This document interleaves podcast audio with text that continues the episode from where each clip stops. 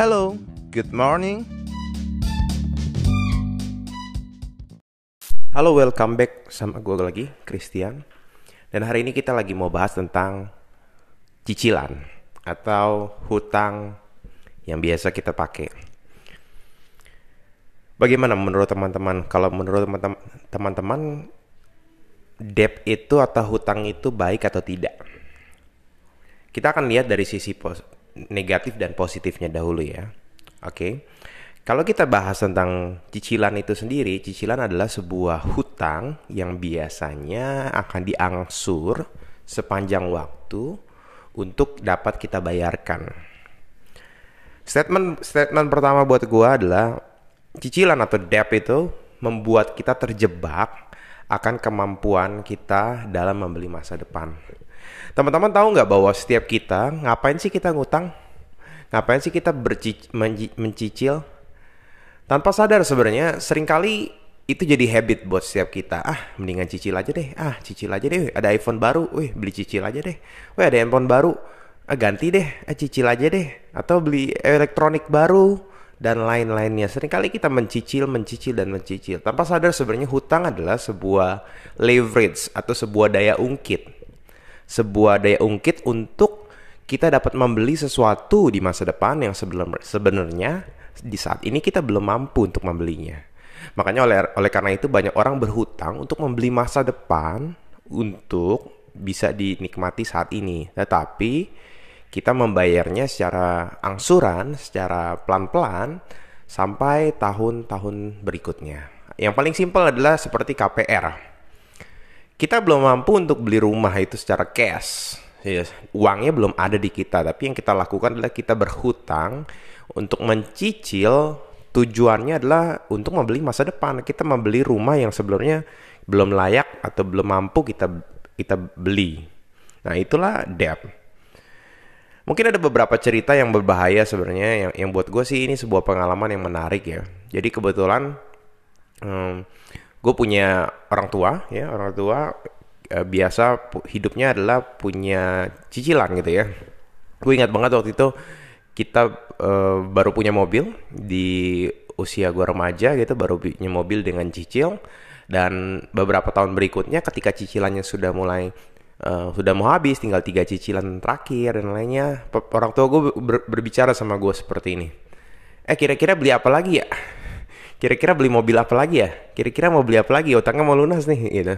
Nah Um, pertama kali mungkin gue mendengar hal tersebut seperti hal yang biasa, tetapi ternyata mulai gue ke arah sini, semakin literasi gue semakin baik tentang keuangan, finansial dan lain-lainnya, gue mulai menyadari itu adalah sebuah habit yang sangat jelek, sangat buruk.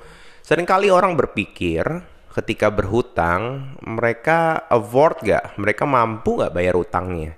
Tapi tanpa sadar mereka nggak ber, berpikir seberapa besar bunga yang harus dibayarkan, seberapa ekstra uang yang harusnya dibayarkan. Misalkan dia berhutang satu juta dan dicicil selama 12 bulan atau satu tahun dan dia bayar satu juta dua ratus. Menurut dia penghasilan dia 3 juta, dia cukup affordable untuk dia bayar untuk dia beli barang satu juta tersebut. Kenapa? Karena dia cukup bayar satu juta dua ratus, ah cicilannya murah gitu. Seringkali orang berpikir bahwa semakin cicilannya murah, semakin bagus dan semakin dia mampu untuk beli. Tapi tanpa sadar, dia membeli sesuatu di masa depan yang sebenarnya dia nggak mampu saat ini dia beli dan dia cuma memperlihatkan atau mem mem memandang sejumlah besaran cicilannya. Kalau cicilannya besar dia tidak mau, tapi kalau cicilannya kecil dia mau. Nah, itu adalah sebuah salah kata-kata yang salah kaprah sekali buat setiap kita. Seringkali banyak orang ya bukan antara kita ya, semoga ya. Banyak orang melihat dari jumlah cicilannya aja. Dan sering kali ketika cicilannya udah habis, dia mulai berhutang kembali. Dia beli sesuatu yang baru untuk mencicil lagi karena cicilan udah seperti gaya hidup buat dia. Tapi tanpa sadar sebenarnya kalau kita nggak mencicil ya, dengan kita mengumpulkan uangnya, kita menabung, kita berinvestasi, mungkin kita dapat membeli cash di masa depan dan nggak perlu bayar bunganya. Tetapi ada plus minusnya. Benar, ketika kita mencicil atau kita berhutang, kita dapat mendapatkan barang tersebut yang harusnya satu tahun lagi baru kita dapatkan, kita bisa dapatkan lebih cepat. Tapi jangan lupa ada biaya yang harus dibayar. Nah, sering kali orang-orang perbankan, orang-orang yang cicilan, multifinance dan lainnya mereka sadar akan hal tersebut dan mereka cenderung um, mencicilnya dalam jangka waktu yang lebih lama. Mereka tidak menawarkan cuma 3 bulan tapi 12 bulan 24 bulan, 36 bulan, bahkan 72 bulan alias 5 tahun, bahkan 10 tahun, 15 tahun, 20 tahun. Semakin panjang cicilannya sebenarnya ada plus minus untuk si perbankan atau lembaga keuangan tersebut ya. Tanpa sadar orang-orang tersebut terikat untuk membayar. Dan nextnya adalah ya ada cicilan-cicilan baru yang dia bisa dapatkan. Nah, bayangin deh, uh, ya orang tua gue tadi ketika cicilan udah habis, dia merasa bahwa uangnya itu bisa dipakai dengan uang yang lain dia bisa beli sesuatu yang lain dengan cicilan yang ada. Mungkin dia bayar 3 juta 500 untuk cicilan mobil dan 3 juta 500 sudah mau habis. Kira-kira cicil apa lagi ya? Ketika kita berpikir seperti itu tanpa sadar, kita akan cenderung terus-menerus diperbudak. Dalam arti sebenarnya bukan diperbudak, mungkin bahasa halusnya adalah kita terus cenderung terjebak di dalam lingkaran cicilan tersebut.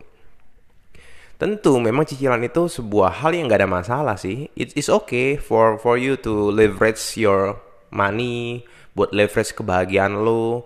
Dan seiring masa muda, semakin berkembangnya umur, tentunya karir kamu kan jadi makin bagus ya. Penghasilan kamu juga akan makin bagus. Itu yang mesti kamu pahami. Tapi masalahnya adalah kita nggak tahu di dunia saat ini. Kita nggak pernah menyangka pandemi saat ini terjadi. Yang masalah ya seperti sekarang kita lihat lah, pandemi saat ini membawa banyak PHK, membawa banyak pemotongan gaji, membawa banyak orang sulit untuk mendapatkan kerja.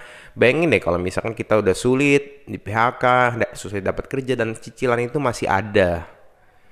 Seberapa banyak usaha yang harus kita lakukan. Makanya inilah yang jadi masalah adalah ketika orang-orang tidak memikirkan secara jangka panjang. Mereka pikirin adalah saat ini karena cicilannya murah, angka cicilan itu jangan kita pahami. Jangan kita cuma lihat angka cicilannya, tapi kita harus jumlahkan dikalikan dengan jumlah angsurannya. Seberapa banyak biaya yang kita akan keluarkan. Nah, itu yang harus kita perhatikan. Jangan sampai kita terjebak dan jadi habit. Ketika cicilan itu jadi habit, hidup kita nggak akan ke mana-mana akan sulit buat kita untuk mendapatkan penghasilan-penghasilan tambahan, passive income dan lainnya akan hidup kita ya nggak akan berubah ke situ. Kenapa? Karena kita ke, kebanyakan membayar bunga dari orang lain. Tetapi tentunya baik lagi nih, ini kalau kita ngomong negatifnya. Nah, ada juga yang namanya, oh kok gitu cicilan 0% boleh dong. Oke, boleh. Tapi juga kita harus perhatikan, cicilan 0% itu biasa diberikan oleh orang-orang yang punya kartu kredit Menurut teman-teman kartu kredit bagus atau tidak? Nanti kita bahas di podcast selanjutnya. Tapi cicilan 0% biasanya jangan lupa teman-teman. Meskipun benar-benar 0% sering kali biayanya di up. Harganya 1 juta karena cicilan 0% bisa jadi 1,2. Kalau enggak seperti itu juga, kan ada cicilan tiap bulan kita harus bayar tanpa sadar, ada biaya materai 6000 dan saat ini banyak bank itu menerapkan notification fee atau SMS fee sebesar 5000. Tanpa sadar 11000 setiap bulan kita ditagihkan.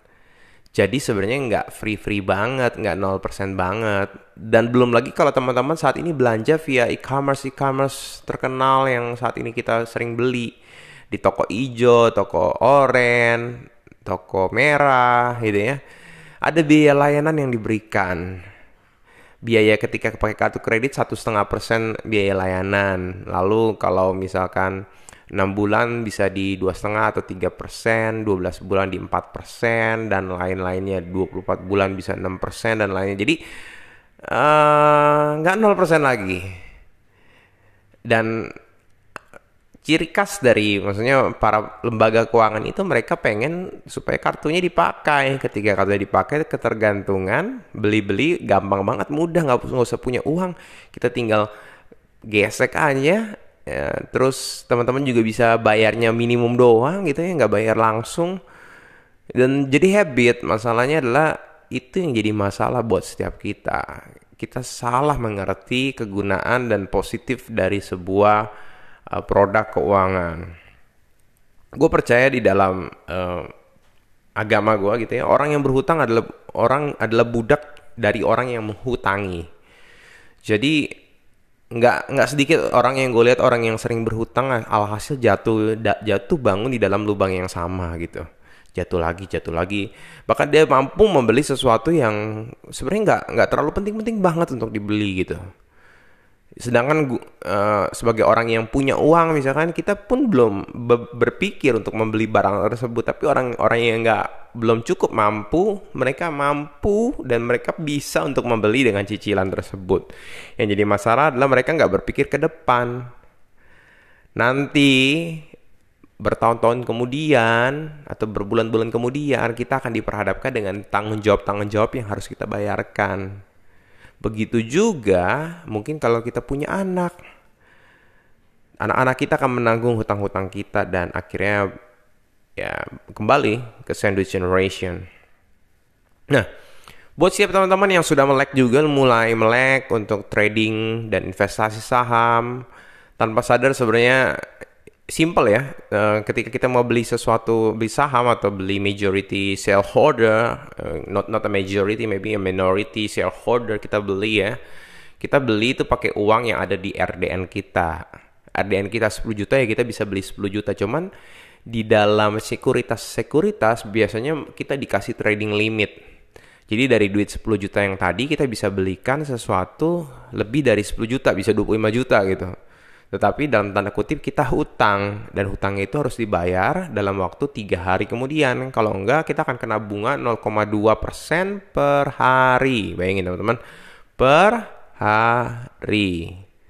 Seberapa besar kalau 30 hari itu sekitar 15% per hari dikali 12 itu 180% per tahun. It is a big interest for me jujur itu besar. Nah, oleh karena itu banyak orang yang salah. Dia tidak memanfaatkan dirinya dengan baik, trading limit itu digunakan dengan tanpa sadar dia nggak memahami dengan baik, resikonya besar. Alhasil adalah banyak orang yang buntung gara-gara pinjaman tersebut. Begitu juga kalau misalkan kita ngomongin KPM atau kredit kepemilikan mot motor atau mobil Seringkali kayak itu balik lagi yang kita lihat adalah cicilannya. Jumlahnya ah murah gue affordable gue punya duit gaji 5 juta cicilannya tiga setengah juta masih bisa. Hidup gue cuma satu juta setengah kok cukup lah gue bayar gitu ya. Tapi tanpa sadar sebenarnya ketika kita beli barang mobil misalkan harganya 200 juta dengan bunga-bunga yang ada kita mungkin bisa bayar 300 juta atau 350 juta totalnya. Secara total mungkin murah sih cuma 3 juta setengah tiap bulan. Tapi tanpa sadar kan 3 juta setengah dikali berapa bulan? Belum lagi nanti ketika mobilnya sudah lunas kita mau jual mobilnya nggak laku lagi dengan harga 200 juta. Mungkin jadi 150 juta atau 120 juta atau mungkin bahkan 100 juta tergantung mobil apa yang kita beli jadi kita membeli sesuatu yang pada akhirnya nilainya terus menurun dan udah udah kita beli buat masa depan eh dari masa depan kita beli saat ini supaya kita bisa menikmati masalahnya di masa depan nanti makin rugi. Nah teman-teman harus hitung itu namanya cost of investmentnya. Eh tadi misalkan kita jual 100 juta mobilnya dalam lima tahun kita bayar 350 juta dari mobil harganya 250 juta. Kita udah rugi dari bunganya aja udah 150 ribu 150 juta. Rugi dari jual uh, depresiasinya 100 juta ruginya 250 juta. 250 juta dibagi 5 kita rugi 50 juta per tahun gitu ya. Bayangin deh 50 juta per tahun mendingan naik grab gak? ya itu yang teman-teman harus pikirin maksudnya. Beberapa banyak hal tergantung dengan kebutuhan teman-teman. Belum lagi teman-teman harus bayar um, pajak dan lainnya itu yang teman-teman harus perhatikan sebenarnya. Dari debt itu atau cicilan. Jadi gue cenderung pengen memberi pemahaman buat setiap kita. Jangan sampai diri kita terjebak akan kemampuan dari membeli masa depan. Itu yang menarik ya. Nah mungkin gue bahas yang positifnya ya. Nah yang positif dari peminjam atau dari berhutang tentunya adalah kita bisa menikmati masa depan dengan masa yang sekarang. Tapi ya ten, eh, menikmati ya. Jadi seharusnya kita beli punya rumah mungkin 20 tahun lagi tapi kita bisa mampu beli rumah dan menikmati rumahnya dari saat ini. Jadi memang hutang itu adalah leverage atau daya ungkit. Bahkan kalau memang kita biasanya bisa mampu berjualan misalkan ya contoh nih. Kita mampu membuka warteg Satu, modal kita 100 juta. Nggak usah warteg, restoran 100 juta kita buka. Dapat hasil omset 5 juta per bulan misalkan. Tetapi ada orang yang mampu meminjam 1 miliar dan dia buka 10 eh, dia dia buka anggap eh, mi, dia bisa minjem 900 juta lah misalkan. Dia bisa buka 9 cabang lain alias 10 cabang. 10 cabang masing-masing omsetnya misalkan keuntungan bersihnya di 5 juta juga. Alhasil si A dia cuman nggak pakai utang gitu ya. Dia pakai modalnya dia sendiri dia cuma menghasilkan 5 juta per bulan. Tetapi si B dia bisa menghasilkan 50 juta per bulan dan mungkin dia harus bayar bunga sih benar. Tapi cicilan bunganya mungkin cuman 15 juta mungkin per bulan atau 8 juta. Tapi dia punya omset punya penghasilan atau net income setiap bulannya 50 juta bayangin deh.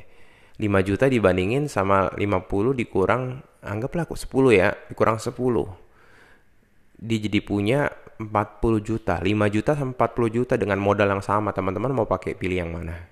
Pilih yang kedua lah ya.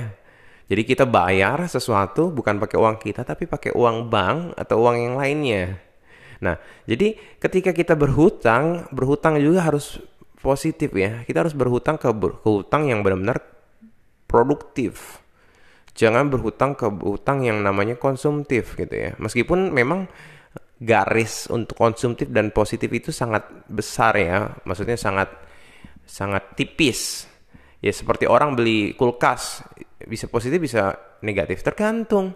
Kalau dia jualan es ya kan atau dia dagang es buah, dagang sesuatu, makanan dan lainnya, kulkas itu sebuah hal yang produktif.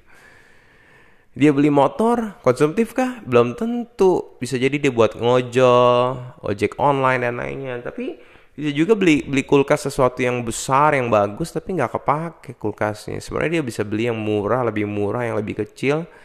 Tapi kenapa dia beli yang besar ya? Karena matanya geli. Dia pengen mau beli sesuatu yang bagus, yang besar, yang enak. Hati-hati dengan namanya hutang. Nah, tapi positifnya itu ya.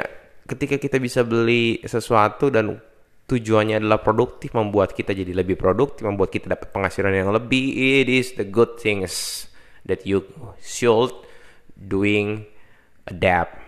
Kamu boleh ambil itu utang dan utangnya juga harus dikalkulasi dengan resiko yang tepat ya keadaan apa pun utang tetap harus bayar. Mungkin saat-saat ini ada restrukturisasi utang, tapi tetap aja bunganya bayar. Pokoknya nggak bayar, tapi ditunda. Tetap aja harus bayar. Utang itu harus dibayar.